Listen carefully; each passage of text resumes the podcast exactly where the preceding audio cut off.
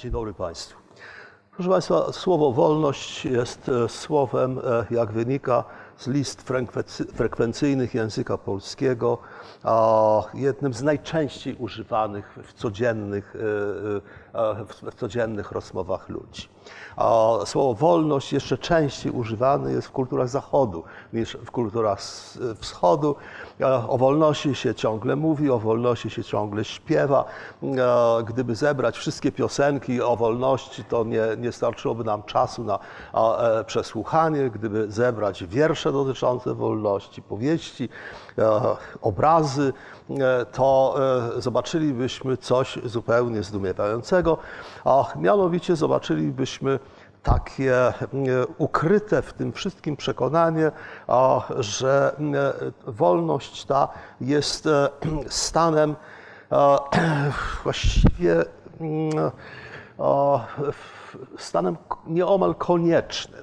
A mianowicie takie podstawowe założenie, które przyjmuje się w, codziennym naszym życiu, ale nie tylko, także dużej części psychologii, to jest przekonanie, że ludzie pragną wolności.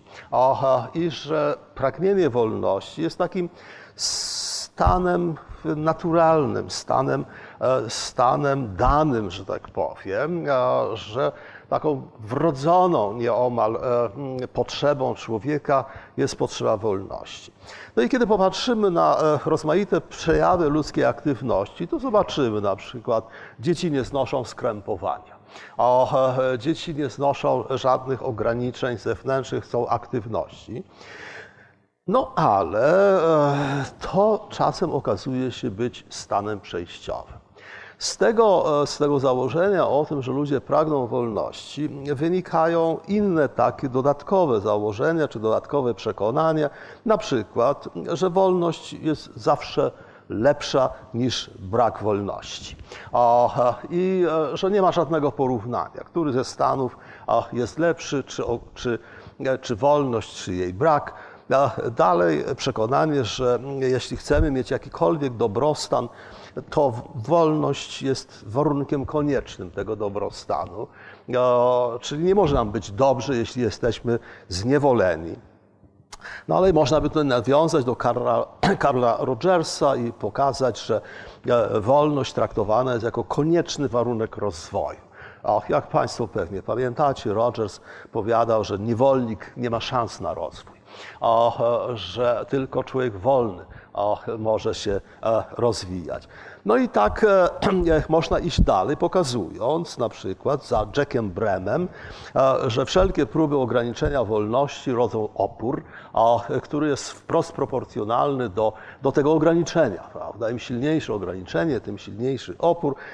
No i pokazuje się także konsekwencje e, braku wolności. Na przykład powiada się, nie bez racji, Martin Seligman w czasach, kiedy jeszcze był porządnym eksperymentatorem, a nie ideologiem pozytywnej psychologii, e, powiadał, że, e, że długotrwała, a długotrwałe ograniczenie wolności jest e, właściwie takim, taką prostą drogą do bezsilności, do bezradności, do, do anomii, Czyli krótko mówiąc, zakłada się i powtarza się to, a zwłaszcza w, w, w, w e, tej części psychologii, która zwykła się nazywać psychologią humanistyczną, że, że ludzie zawsze o wolność walczą.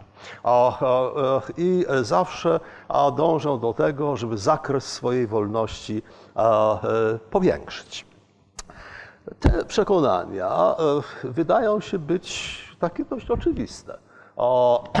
No bo dlaczego miałoby być inaczej? Ale z drugiej strony istnieje sporo danych, na przykład kulturowych, pokazujących, że potrzeba wolności zupełnie inaczej wygląda w Korei Północnej, a inaczej w Holandii. E, I że właściwie nie ma to żadnego porównania o, że wprawdzie w obu tych krajach mówi się o wolności, ale e, w każdym z nich wolność rozumiana jest całkowicie odmiennie. Czyli można, można powiedzieć, że po pierwsze są inne jakościowo wolności. Po drugie, oczywiście, w różnych częściach świata mamy, że tak powiem, zakres dopuszczalnej wolności zróżnicowany. I dzieje się tak dlatego, i myślę, że to warto, warto pokazać, że w istocie nasze pragnienie wolności, nasze pragnienie, pragnienie czy, czy unikanie ograniczeń jest rezultatem wrastania w kulturę otoczenia. A więc uczymy się, jakie reguły dotyczące wolności obowiązują w, w danym społeczeństwie i, i uczymy się także przyjmować pewne standardy dotyczące wolności. Niektórzy z Państwa oczywiście oglądali sztukę pod tytułem Król Ubu. Jest tam bardzo ładny fragment, w której e, właśnie e, przywódca pyta, kto jest za, i nikt nie podnosi ręki. Wszyscy są przeciw. Ale za chwilę przychodzi czterech panów z karabinem maszynowym i znów pyta, kto jest za. I wszyscy podnoszą rękę. Otóż, e, otóż właściwie co się zmieniło e, w tych, w tych warunkach? A przecież nie zmienili się ci ludzie, którzy podnosili lub nie podnosili ręki. A, e, zmieniła się, zmienił się kontekst, zmieniły się e, okoliczności. Inaczej mówiąc, można powiedzieć, jeśli, ach, jeśli wiedza o psychologii uczenia się obowiązuje, a jeśli obowiązuje wiedza o socjalizacji, to należy oczekiwać, że wrastając w tę kulturę y, otoczenia, tę kulturę społeczną, jedni ludzie uczą się wolności, a inni uczą się niewoli po prostu. O, jedni uważają wolność za stan naturalny, a taki e, i zarazem idealny, a inni natomiast pogodzeni są z tym, że, że wolności nie mają. Czyli e, już w tym momencie pojawiają się wątpliwości, czy rzeczywiście jest tak, że zawsze wszyscy pragną wolności i w każdych warunkach. Czy nie jest przypadkiem tak, że w pewnych warunkach ludzie wcale nie chcą być wolni? To jest, e, to jest jedna kwestia, ale e, jest też kwestia kolejna. Mianowicie, że samo rozumienie wolności jest dość zróżnicowane. można powiedzieć, że to takie pojęcie wyświechtane, wytarte, powtarzane w kółko, prawie zawsze, prawie zawsze wiąże się e, z jakimś, z jakimś rodzajem wyboru, który mają ludzie. A więc wolność to jest wybór, ale ten wybór e, jest e, można rozumieć na co najmniej dwa sposoby. A pierwszy z nich to jest takie obiektywne podejście, wedle którego wolność to jest rzeczywista możliwość wyboru. Jeśli jest wybór, to nieważne, czy ty o tym wiesz, czy o tym nie wiesz, masz wolność. I to jest taka e, koncepcja Ivana Steinera, który powiada, że że jeśli istnieje możliwość wyboru, to człowiek jest wolny. Ale, powiada Steiner, a e, wolność jest tym większa, im bardziej podobne są do siebie te możliwości wybierane. Powiada, nie ma żadnej wolności człowiek, który ma wybrać, czy iść 100 kilometrów pieszo, czy jechać 100 kilometrów pociągiem. To nie jest żaden wybór. Prawda? Natomiast ma wolność człowiek, który ma zdecydować, czy iść 10 kilometrów pieszo, czy 15 kilometrów pieszo. To jest wybór, powiada, e, powiada Steiner. To znaczy, proszę Państwa, to znaczy, że wolność tak rozumiana jest trudna, e, jest źródłem przykrości. E, czyli funkcjonuje mniej więcej tak, jak jak opisywał to Leon Festinger w swojej teorii dysonansu poznawczego, mówiąc, że dysonans jest tym większy, im trudniej jest rozróżnić między sobą dwie, dwie sprzeczne informacje. To podejście Steinera jest systematycznie krytykowane jako takie absurdalne, jako, jako e, takie nierealistyczne. Między innymi Harold Kelly i Arje Kruglański powiadają, że to nie jest tak, że wolność to jest obiektywna, stan obiektywny, to jest stan subiektywny.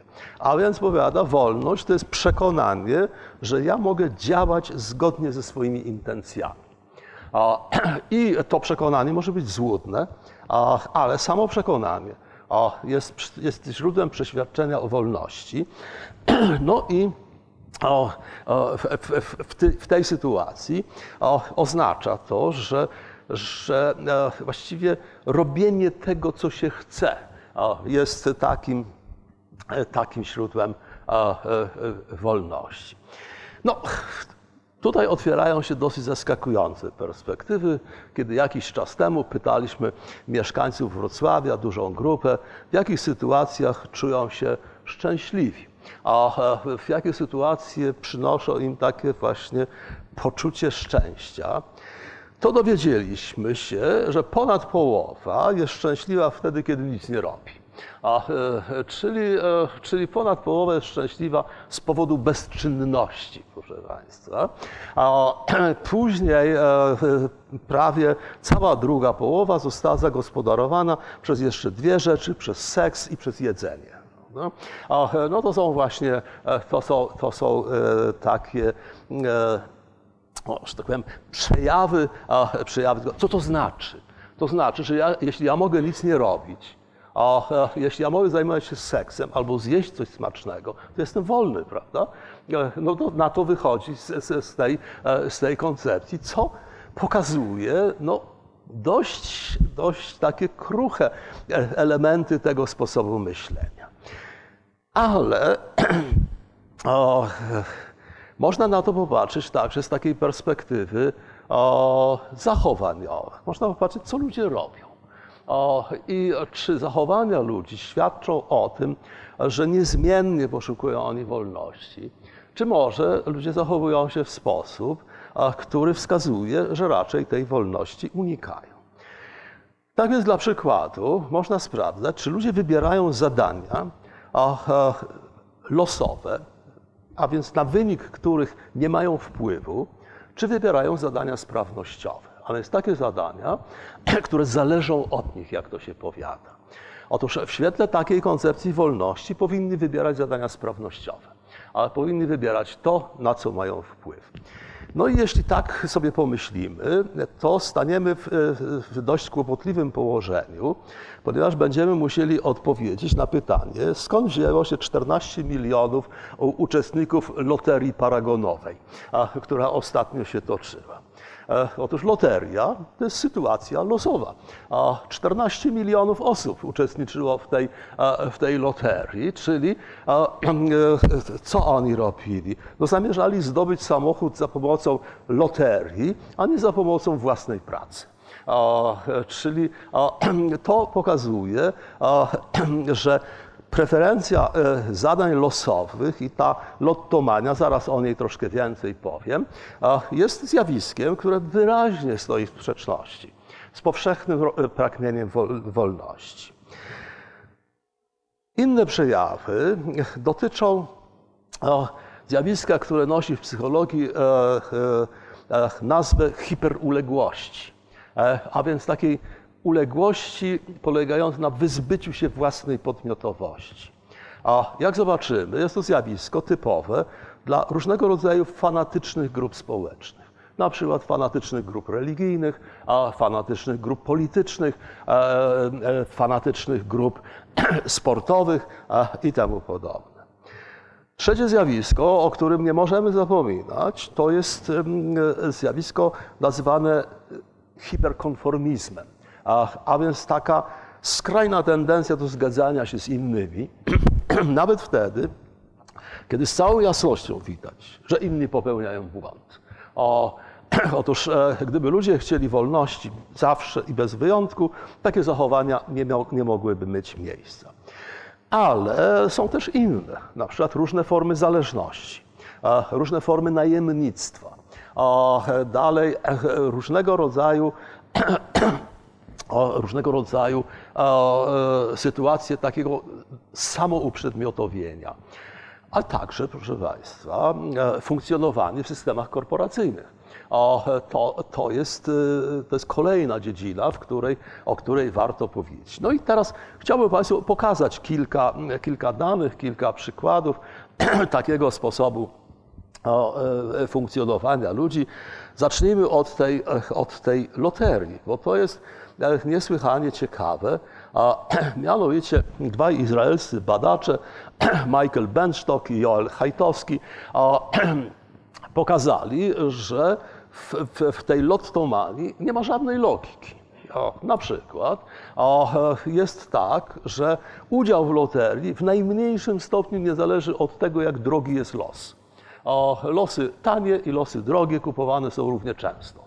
A przecież to jest sprzeczne z taką racjonalnością ekonomiczną, czy, czy z ekonomią racjonalną. Czyli, e, e, czyli z jednej strony mówi się o, powszechnym pragnieniu wpływu, a z drugiej strony mówi się o powszechnym udziale w loteriach. I te miliony ludzi e, uczestniczących w loteriach są żywym zaprzeczeniem pragnienia wolności wyboru. Otóż, e, kiedy zastanawiamy się nad tym, dlaczego ludzie właściwie angażują się w wybór, to zobaczymy, że są tam pewne pokusy interesujące, e, które, jak każde inne pokusy, zwykłe są ograniczać wolność. Na tym polega urok pokusy, e, że ona pozbawia człowieka wyboru. Prawda? Jakiego rodzaju są to pokusy? No, po pierwsze jest tak, że strata, którą się ponosi, ta rzeczywista strata, jest stosunkowo niewielka w porównaniu z możliwym zyskiem. E, a więc wyobrażenie tego możliwego, dużego, potencjalnego zysku właściwie skłania ludzi do, do rozrzutności, mówiąc, e, mówiąc krótko. To jest e, pierwsza sprawa. Druga sprawa to jest taka, że sytuacja loteryjna jest właściwie sytuacją skrajnie prostą.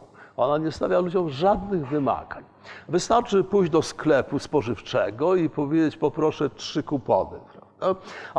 I tam e, te trzy kupony e, dostaniemy, bo wydrukuje je maszyna i sprawa jest załatwiona. Czyli jest to taka sytuacja, która niczego nie wymaga od, od wykonawcy, a więc e, można powiedzieć, że loteria apeluje do jednej z takich, z takich podstawowych ludzkich przypadłości, mianowicie do lenistwa. O, ludzie leniwi chętnie będą się w to angażować. Trzecia kwestia to to, że loteria nie wymaga żadnego wysiłku. O, to nie, nie, nie, nie wymaga pokonania jakiejkolwiek trudności, ale popatrzmy sobie, co się dzieje teraz w, w, w, w następnych momentach.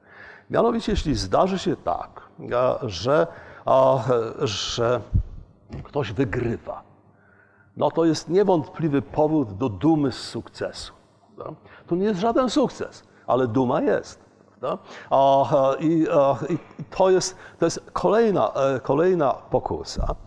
A z drugiej strony, jeśli ten ktoś przegrywa, zapłacił i nic, no to przecież porażkę, e, której doznaje, może z łatwością odłączyć od ja ta porażka po prostu właściwie nie dotyka ja.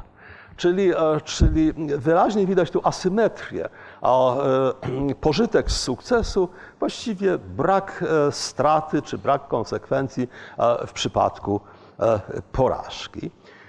Ale jest tam jeszcze jedna pokusa, proszę Państwa, a mianowicie takie przekonanie, że to, co się przegrało, można odzyskać. Czyli można skompensować swoją przegraną większą wygraną. No?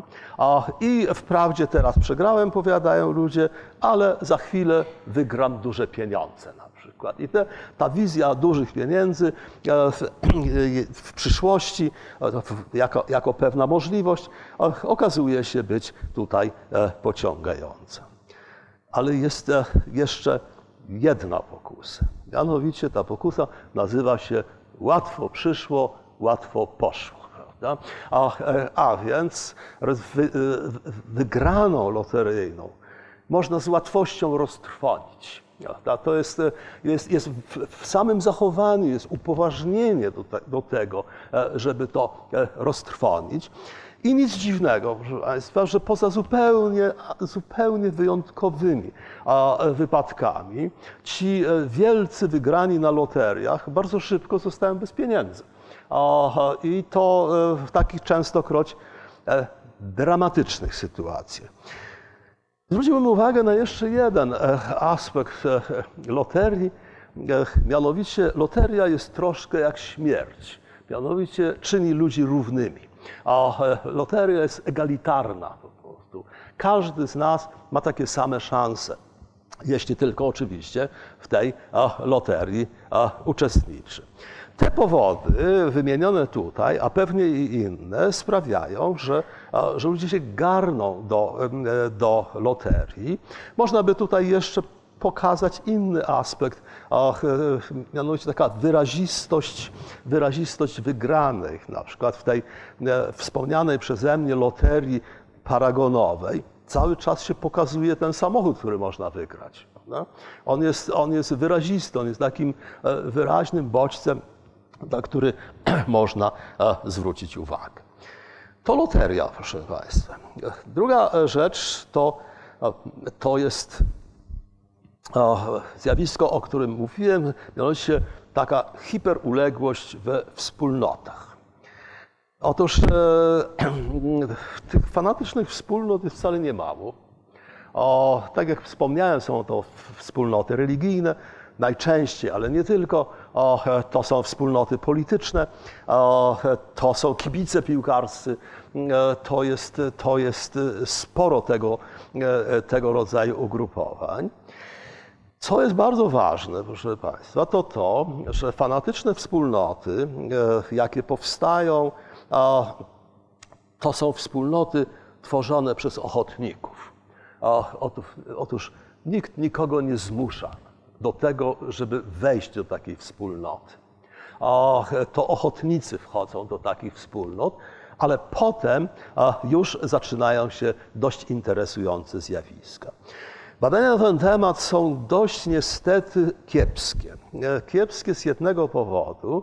E, po pierwsze, są to w dużej mierze badania kliniczne e, ze, wszystkimi zaletami i ze wszystkimi wadami badań klinicznych, ale to nie jest najważniejsze. Najważniejsze jest to, że prawie wszystkie badania nad, nad uległością, taką hiperuległością we wspólnotach prowadzono z ludźmi, którzy uciekli z tych wspólnot a, e, czyli byłych członków wspólnot. Jest tylko jedno badanie, w którym, e, w którym uczestniczyli także członkowie aktualni wspólnot, ale bardzo to, bardzo to niewielkie. Czyli z jednej strony mamy takie badania natury klinicznej, a więc e, kliniczne wywiady z ludźmi, z drugiej strony mamy też troszkę badań, badań korelacyjnych. Ale tak jak powiadam, badania te są stronnicze, badania te są tendencyjne, ponieważ e, jeśli ktoś ucieka ze wspólnoty, to znaczy, że doświadczył tam czegoś negatywnego, a bez powodu nie ucieka. Otóż, e, e, kiedy zastanawiamy się nad tym, dlaczego ludzie się dają że tak powiem, wessać w takie wspólnoty. I dlaczego robią to, co im każą różni Koresze albo Jonesowie, albo inni tacy przywódcy sekt religijnych, no to zazwyczaj się e, wskazuje na, e, na takie, takie proste dwa mechanizmy. Mianowicie na to, że jest tam nacisk, że ludzie podlegają naciskowi podlegają zagrożeniom, podlegają takiej przemocy, podlegają manipulacji, czyli jest zewnętrzna, zewnętrzne siły, które skłaniają ludzi do uległości, ale z drugiej strony pokazuje się, że, że za tym stoi także taka osobowościowa skłonność do uzależniania się, a więc taka tendencja do zależności względem innych ludzi. No, i, czyli taka osobowość zależna, jak to się mówi, albo osobowość bezradna. No i popatrzmy, e, popatrzmy, e, co wynika z badań na temat takiego, e, takiego wyzbywania się właśnie wolności przez przynależność do wspólnot religijnych. Australijczyk Coates prowadził takie badania kliniczne, e, bardzo duże, i pokazał, że właściwie e, jest to to uzależnianie się od wspólnot jest takim procesem wieloetapowym. Jest sześć kroków, przez które przechodzi się e, w tych właśnie wspólnotach i pokazał, w jakiej kolejności one się pojawiają. No i początek jest bardzo taki, taki prosty i łatwy, mianowicie ludzie angażują się we wspólnoty takie fanatyczne z powodu oczekiwanych gratyfikacji. Ludzie wierzą, że będą mieli z tego pożytek. I dla przykładu, w badaniach tych pokazywano, że ludzie się włączali w działania wspólnot, wierząc, że to jest wyjątkowy czas ich w życiu, że to jest taka okazja do przeżycia czegoś niezwykłego, ekscytującego.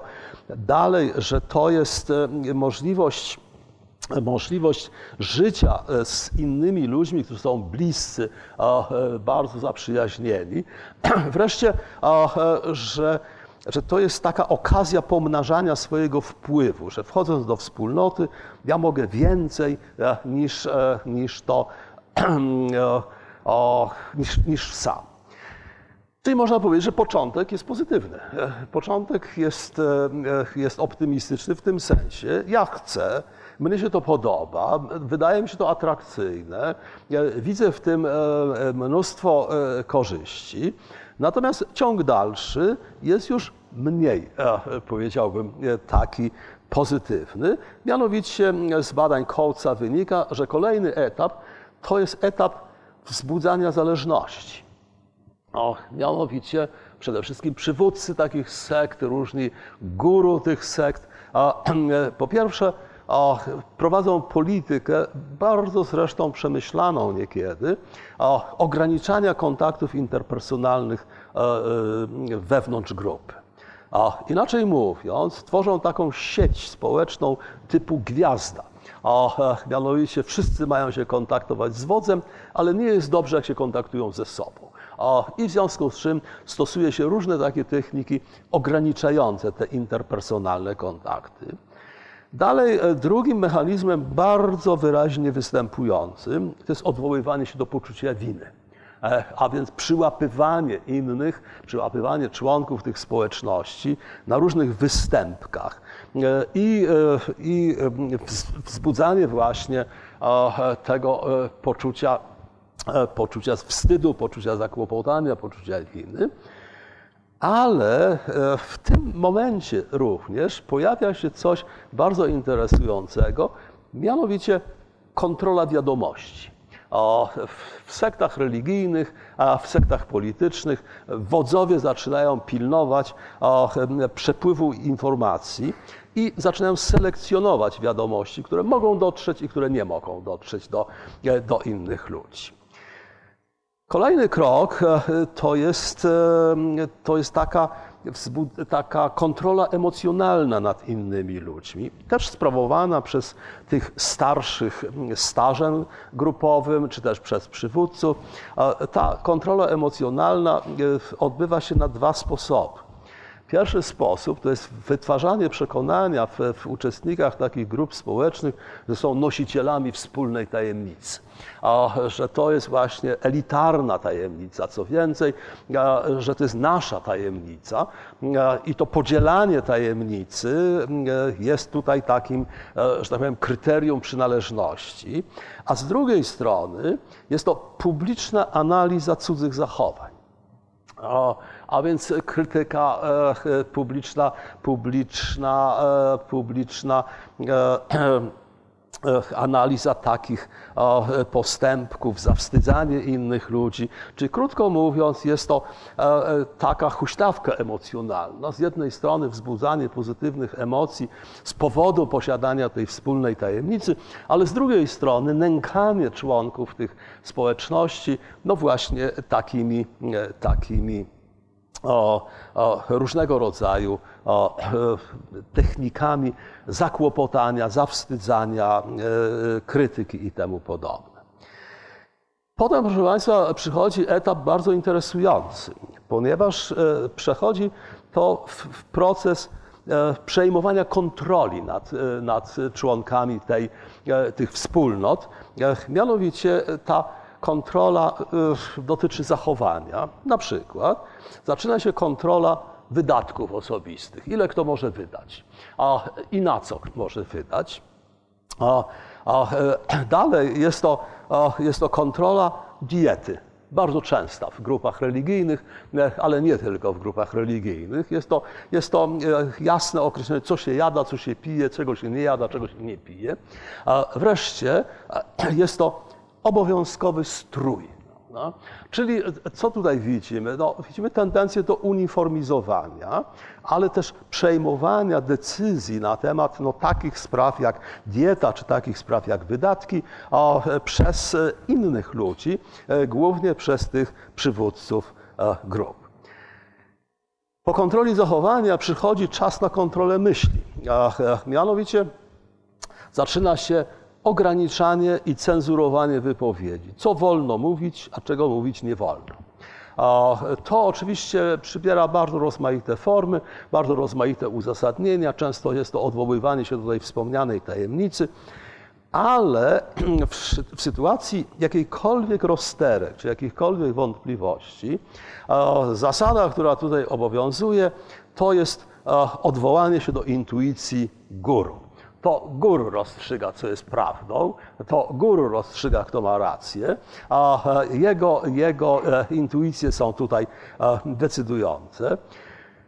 I w konsekwencji pojawia się coś takiego jak e, obowiązująca w danej grupie społecznej doktrynalna prawda. Co jest prawdą, co nie jest prawdą. I to bardzo dobrze widać na przykład w różnych fanatycznych ugrupowaniach politycznych co obserwujemy na, na, na, na co dzień od pewnego czasu e, na świecie, ale także ugrupowań, ugrupowań e, religijnych. I wreszcie, proszę Państwa, e, ostatni etap to jest kontrola relacji interpersonalnych. Otóż jest rzeczą zdumiewającą, jak daleko y, można się posunąć w takim e, oddawaniu swojej wolności i oddawaniu swojej podmiotowości. Na przykład polega to na czym? Na aranżowaniu małżeństw. E, tak więc wspólnoty fanatyczne bardzo często, że tak powiem, dokonują dystrybucji na rynku matrymonialnym. To bardzo jest interesujące. Po drugie, jest to kontrola kontaktów seksualnych. Z kim można mieć seks? A, a z kimś e, tego seksu mieć nie można. To jest limitowanie liczby e, oraz, e, oraz jakości tego kręgu przyjaciół, w którym się pozostaje.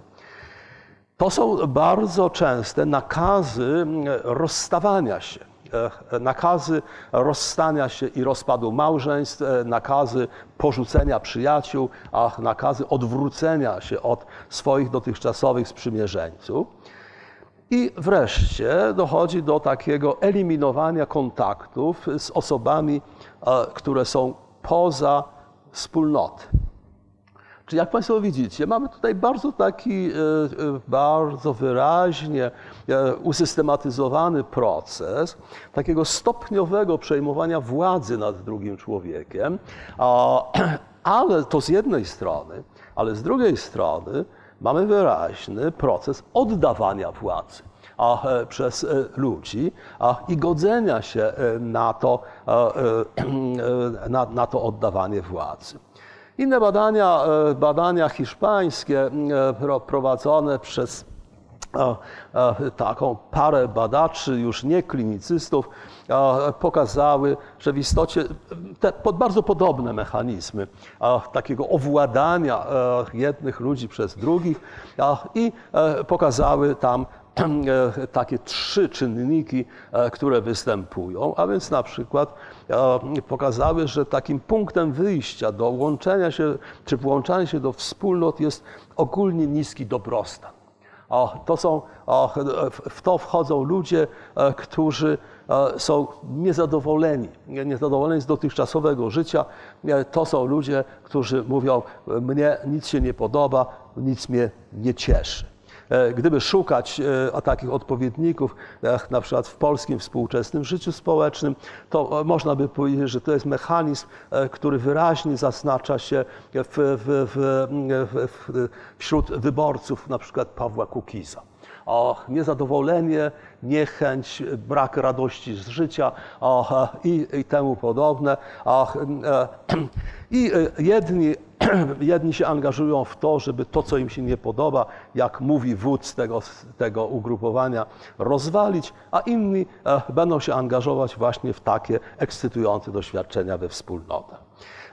Dalej to jest, e, to jest takie pragnienie poszukiwania ideałów, e, idealnych ludzi, idealnego świata ale także, e, jak e, pokazują Hiszpanie, jest to wyraźne podleganie manipulacji. Mianowicie pranie mózgu, taka, taka e, systematyczna perswazja, dość dobrze znane. Wreszcie e, trzecie badanie to e, Benjamin Zabloki, taki e, amerykański badacz, który także badał członków wspólnot religijnych i właściwie mówił o, o tym, że w istocie rzeczy to ani czynniki osobowościowe, to wcale nie jest tak, że do wspólnot wstępują ludzie zależni emocjonalnie. A z drugiej strony, powiada, to wcale nie jest tak, że, że oddziaływania charyzmatycznych wodzów. Zabloki powiada, że w istocie rzeczy ludzie dają się wessać w, w wyniku takiego splotu okoliczności, że wchodzą dość, można by powiedzieć, bezmyślnie. Dariusz Doliński, znakomity nasz kolega, interpretując te wyniki, e, powiada, że właściwie są takie trzy rzeczy tutaj ważne. Pierwsza to jest e, takie bezbrzeżne zaufanie do innych. Czyli taka wiara, że inni mogą być źródłem, e, e, źródłem e, czy, czy, czy, czy pomocą w rozwiązywaniu wszelkich problemów. Po drugie, jest to pewien rodzaj emocjonalnego uzależnienia, ale zaraz o tym uzależnieniu będę mówił troszkę więcej. A trzeci, po, trzeci, o, o, trzeci element to jest taka taki nacisk społeczny, który, który w istocie rzeczy w jakimś momencie przestaje być potrzebny, ponieważ ludzie i tak robią to, czego się od nich e, oczekuje. Można powiedzieć, że mamy tutaj do czynienia z taką bardzo interesującą sytuacją, że ta dobrowolność ludzi, a gotowość do dobrowolnego wstępowania do ugrupowań religijnych jest właściwie punktem wyjścia do skutecznego wymuszania na nich uległości. To ochotnicy są tak bardzo ulegli. Teraz kilka słów o hiperkonformizmie, proszę Państwa.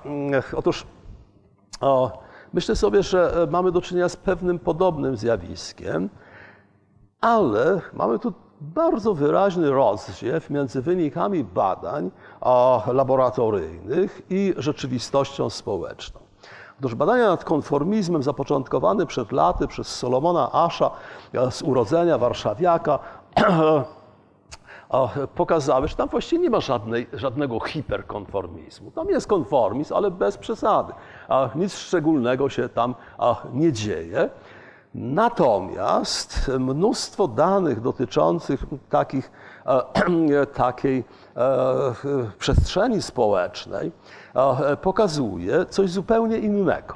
A mianowicie, że w tych różnego rodzaju grupach hiperkonformizm jest zjawiskiem codziennym, jest zjawiskiem nagminnym, jest zjawiskiem, które się e, systematycznie, systematycznie e, powtarza. To oczywiście ten, ten rozdźwięk między badaniami i obserwacjami zasługuje na uwagę. Myślę, że, to, że, że albo to jest tak, że w laboratorium nie bada się rzeczywistego konformizmu, albo to też jest tak, że w warunkach naturalnych obserwuje się coś innego niż konformizm. Ale y, na ten temat niestety nie potrafię żadnych rozstrzygających rzeczy powiedzieć. Dalej jest to kwestia zależności od innych. Ludzie oddają się w niewolę, bo, bo wolą być zależni, mówiąc krótko. No i te, ta zależność ma rozmaite przejawy. Jest to zależność ekonomiczna, jakaś instytucjonalna, emocjonalna. Rozmaite są formy zależności. Myślę, że tutaj e, trzeba rozróżnić, to psychologowie zwłaszcza powinni rozróżniać między zależnością emocjonalną a osobowością zależną, ale nie chciałbym w to wchodzić, bo to jest osobna kwestia. Zależność emocjonalna jest bardzo interesująca, proszę Państwa, ponieważ ją bardzo łatwo wywołać, a e, bardzo łatwo e, wytworzyć. Gegen i Lamy pokazali w swoich badaniach, że ludzie e, są skłonni do uległości, już do, do, do uległości wobec różnego rodzaju próśb, życzeń, fanaberii ze strony innych, jeśli w polu widzenia mają słowo miłość e, w samym polu widzenia, nic więcej. Jest tam, nie wiem, transparent, na którym jest słowo miłość. A okazuje się, że to, że to bardzo wyraźnie sprzyja e, e, takiej, takiej zależności.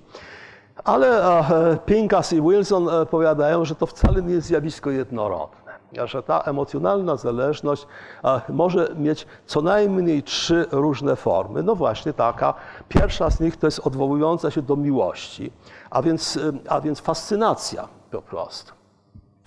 Czyli e, ludzie zafascynowani ulegają obiektom swojej fascynacji.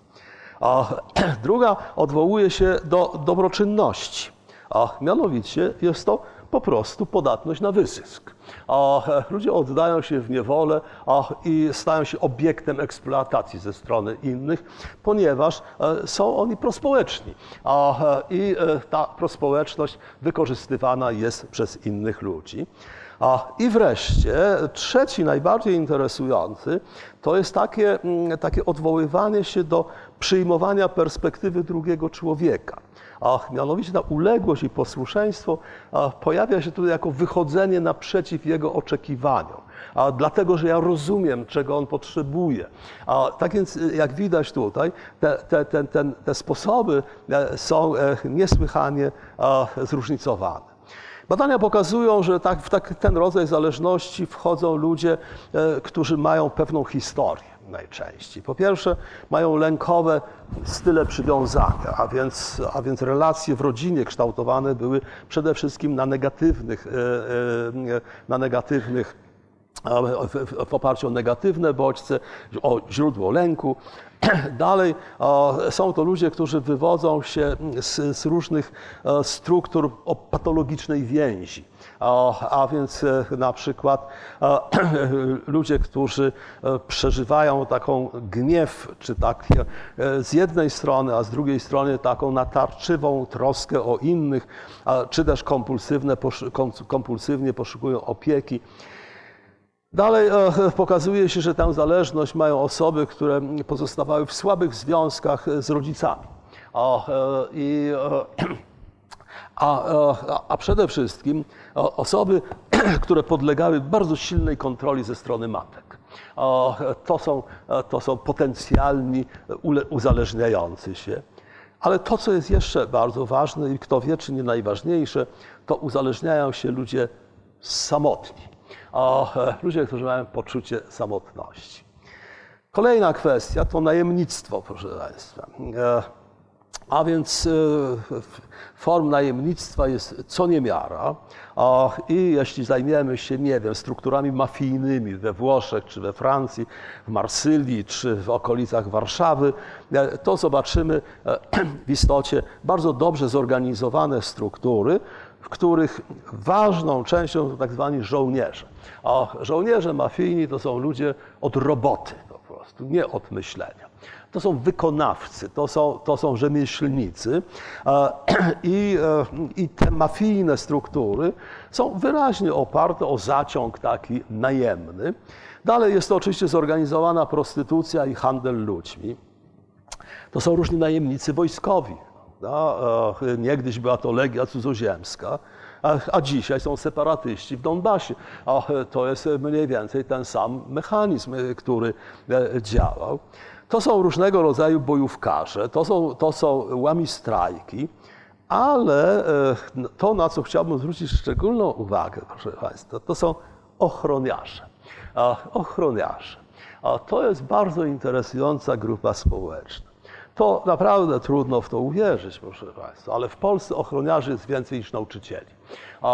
I, e, i to mówi samo za siebie.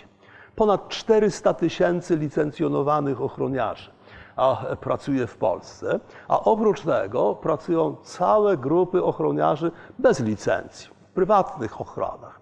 Czyli można spodziewać się około pół miliona osób w Polsce. To są najemni ochroniarze. No? Oczywiście e, e, ich rola sprowadza się do realizowania pewnych zadań zleconych z zewnątrz.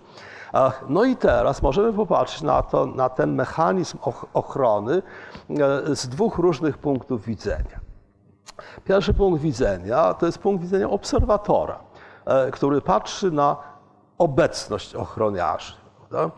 Kiedy widzimy migające światełko straży pożarnej, to myślimy sobie, aha, coś się pali. Prawda? A e, kiedy widzimy grupkę policjantów biegnących w jakąś stronę, e, to myślimy sobie, aha, coś się dzieje. Prawda? A co myślimy, kiedy e, widzimy ochroniarzy?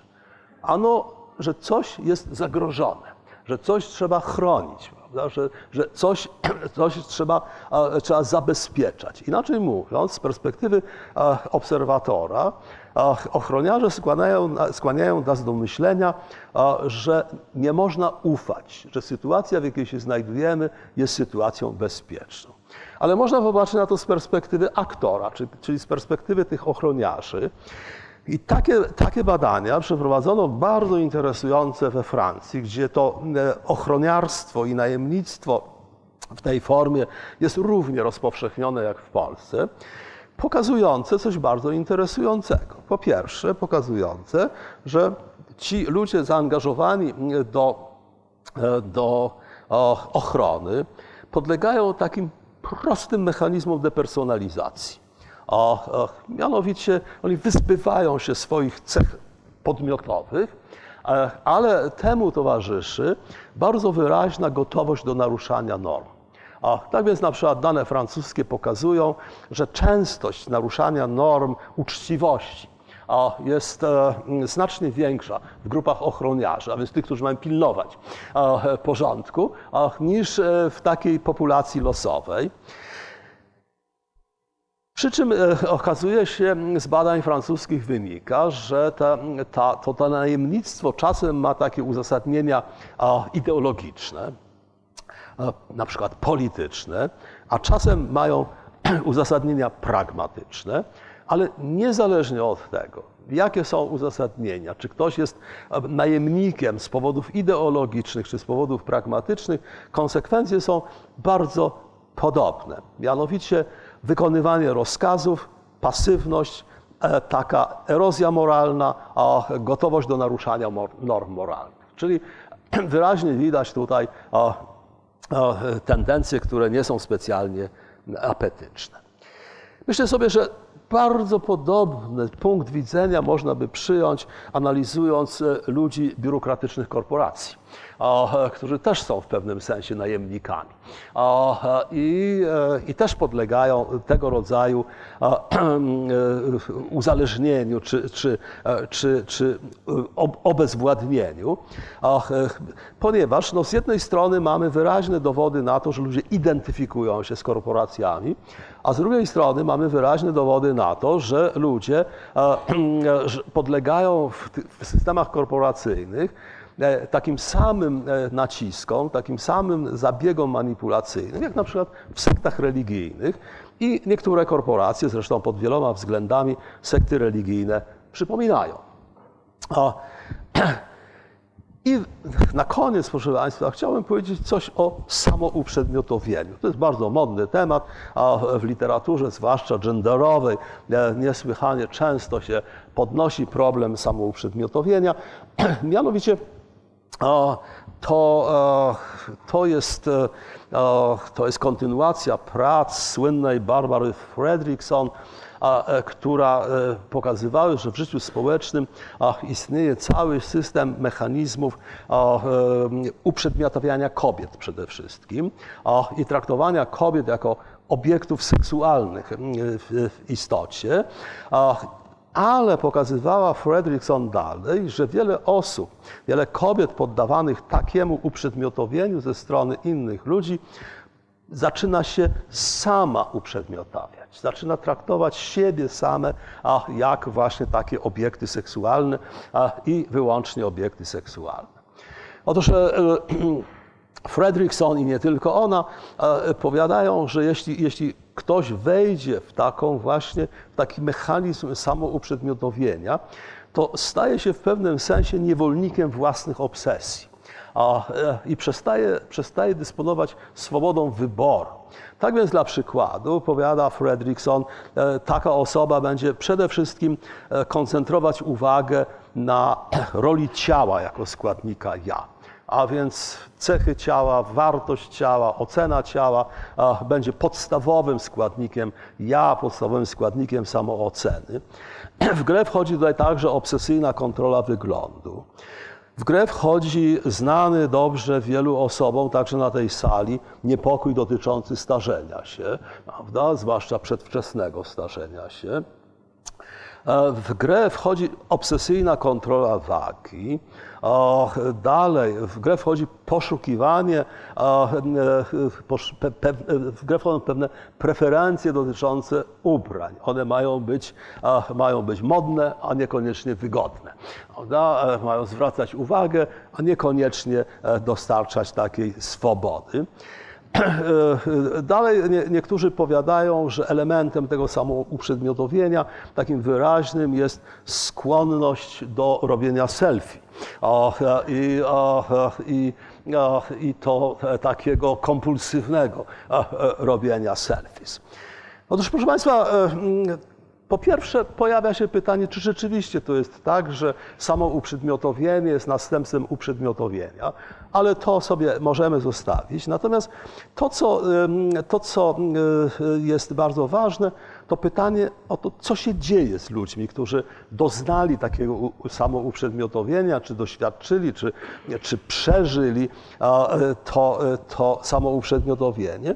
I tutaj e, liczne badania pokazują systematycznie e, e, cztery takie kwestie. Po pierwsze, są oni częściej niż inni skłonni do przeżywania wstydu.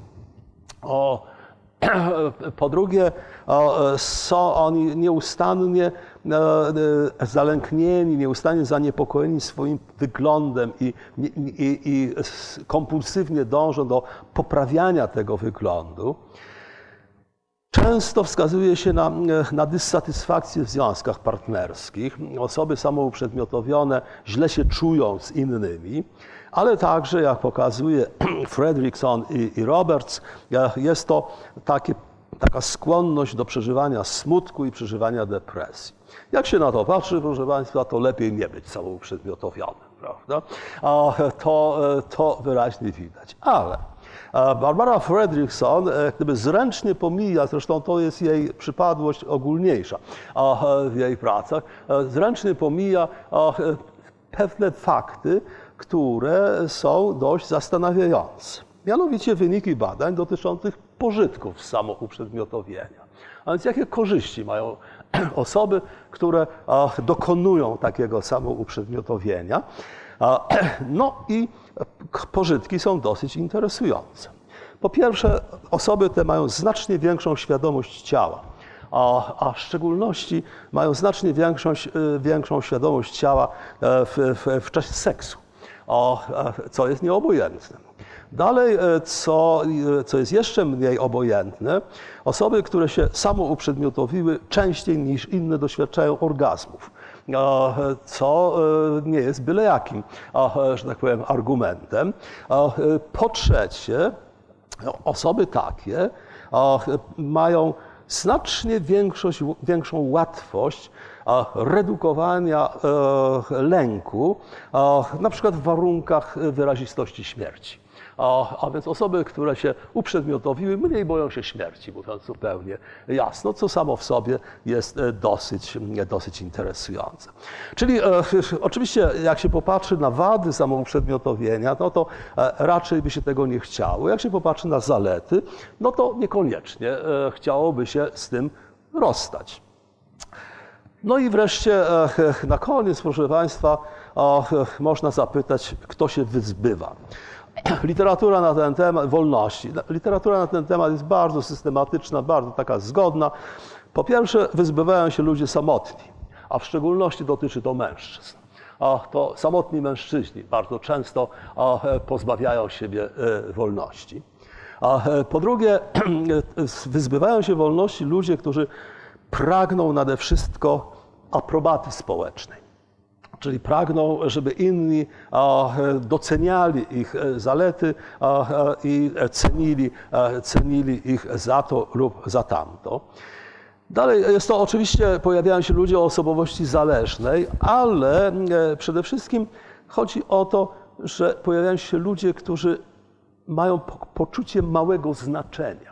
A, e, a więc e, ludzie, którzy e, spostrzegają, że ich pozycja społeczna jest niska, niepewna, e, że ich samoocena jest niezbyt wysoka, ale nawet jeśli wysoka, to, to jest. e, o, nie, nie, nie, nie, stała, jest, jest po prostu niepewna.